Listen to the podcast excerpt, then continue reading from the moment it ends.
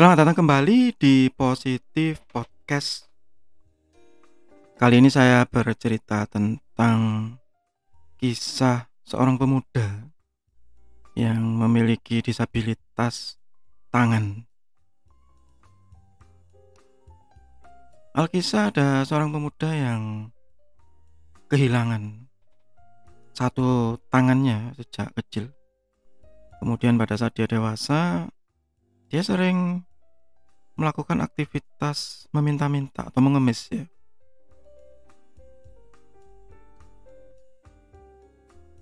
Kemudian pada satu saat dia datang ke satu rumah begitu untuk meminta-minta.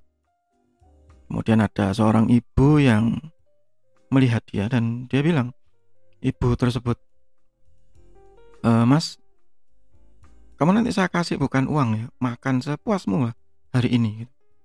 Tapi ada syaratnya gitu. Kemudian sang pemuda yang memiliki disabilitas tadi menjawab, ya bu saya mau, apa syaratnya gitu. E, di situ itu ada beberapa batu bata tolong pindahkan ke belakang rumah saya. Ya mungkin ada 50-an batu bata yang harus dipindahkan oleh pemuda tadi.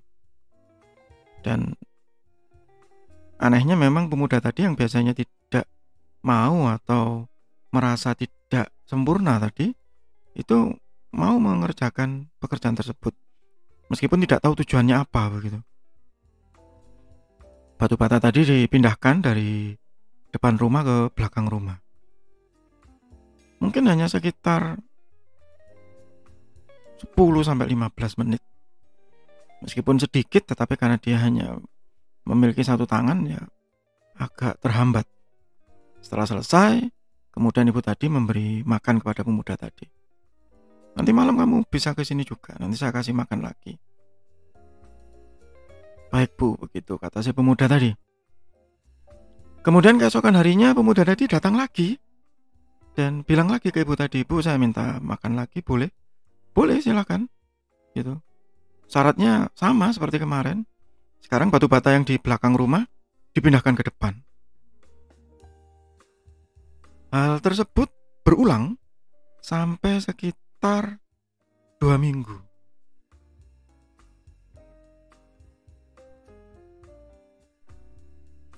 si keluarga ibu tadi sebenarnya juga heran dan bertanya kepada ibunya, "Bu, kenapa kok orang itu disuruh mindah batu bata dari depan ke belakang, belakang ke depan gitu?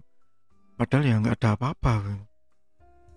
Ibu tadi kemudian uh, menjawab anaknya tadi, "Ya di dunia ini nggak ada yang gratis gitu, no freelance.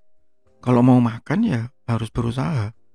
katanya si anak si ibu tadi menjawab lah kenapa harus mindah batu bata gitu kenapa nggak disuruh kerja yang lebih bermanfaat katanya ya, ibu tadi kemudian menjawab pemuda yang kehilangan satu tangan tadi sering saya lihat mengemis sebenarnya gitu kalau dia saya suruh mengerjakan sesuatu yang bermanfaat mungkin dia nggak akan nggak akan mau gitu. Kenapa ya? Karena yang paling penting diperbaiki dari pemuda itu adalah mentalnya. Saya yakin dia berpendidikan kok gitu ya. Dia bersekolah. Hanya karena merasa difabel maka dia meminta-minta. Kelanjutan dari kisah ini, kemudian si pemuda tadi selama dua minggu itu tetap datang ke ibu tadi dengan pekerjaan yang sama, memindah batu bata dari depan ke belakang, belakang ke depan begitu. Sampai akhirnya setelah dua minggu, tiba-tiba pemuda tadi berhenti datang.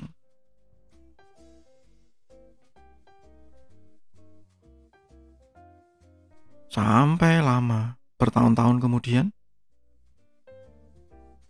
tiba-tiba ada seseorang datang ke rumah itu tadi. Ibu tadi terkejut tuh.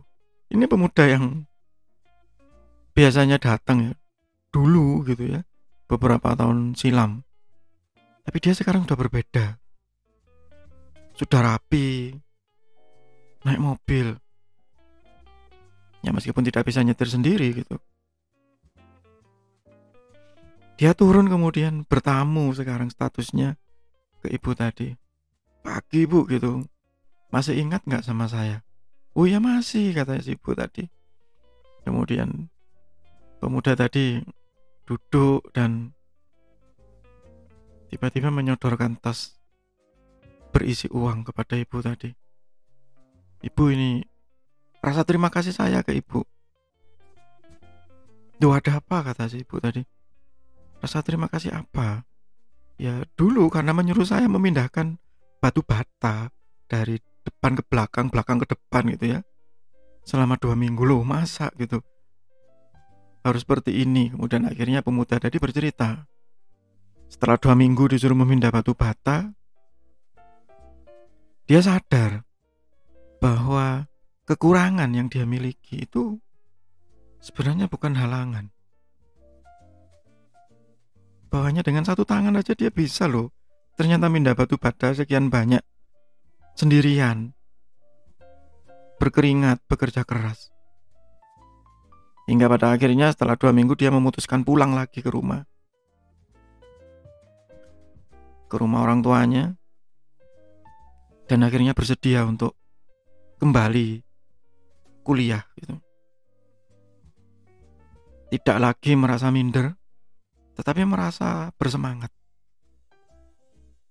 Karena dia merasa bahwa sebenarnya kekurangan fisik bukan alasan untuk menyelesaikan sesuatu.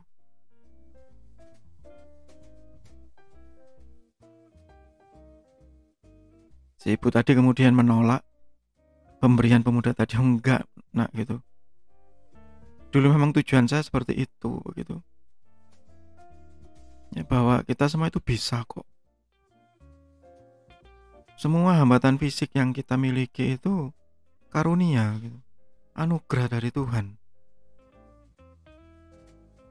tinggal kita mau menganggap itu cacat, musibah, atau kita menganggap itu sebagai berkah dan anugerah bagi kita sendiri. Karena saya yakin dan pasti begitu bahwa Tuhan itu sangat adil kepada hambanya. Di saat kita diberi kekurangan pasti kita juga diberikan juga kelebihan di sisi yang lain. Pemuda tadi kemudian tersenyum dan tertawa. Ya garis terang dari kisah ini sangat jelas ya kita masih banyak ketemu dengan teman-teman yang mungkin merasa kecewa gitu dengan keadaan fisiknya. Kenapa kok saya begini? Kenapa kok saya nggak bisa senormal orang lain? Apa pun kekurangan yang dimiliki. Ya, tapi itulah manusia begitu. Kita sering melihat itu di jalan. Saya sendiri yang memiliki kekurangan fisik juga tidak merasa bahwa itu hambatan gitu ya. Pada satu saat melakukan aktivitas tertentu itu pasti akan terhambat. Tetapi intinya bukan itu gitu bahwa apa pun kekurangan yang kita miliki itu semuanya berkah. Bukan alasan untuk kemudian bermalas-malasan, bukan alasan untuk kemudian mencari excuse ya. Mencari alasan bahwa saya nggak bisa melakukan itu kan saya tidak mampu. Nah begitu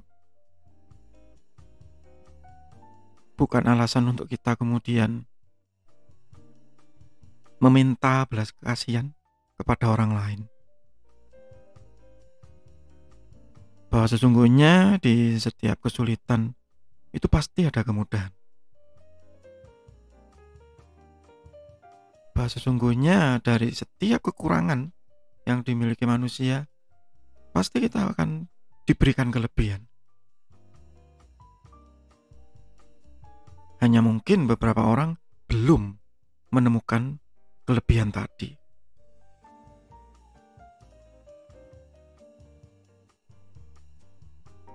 Demikian episode ini, semoga bermanfaat. Tetap sehat, tetap semangat. Kita berjumpa lagi di episode berikutnya bersama Positif Podcast. Terima kasih.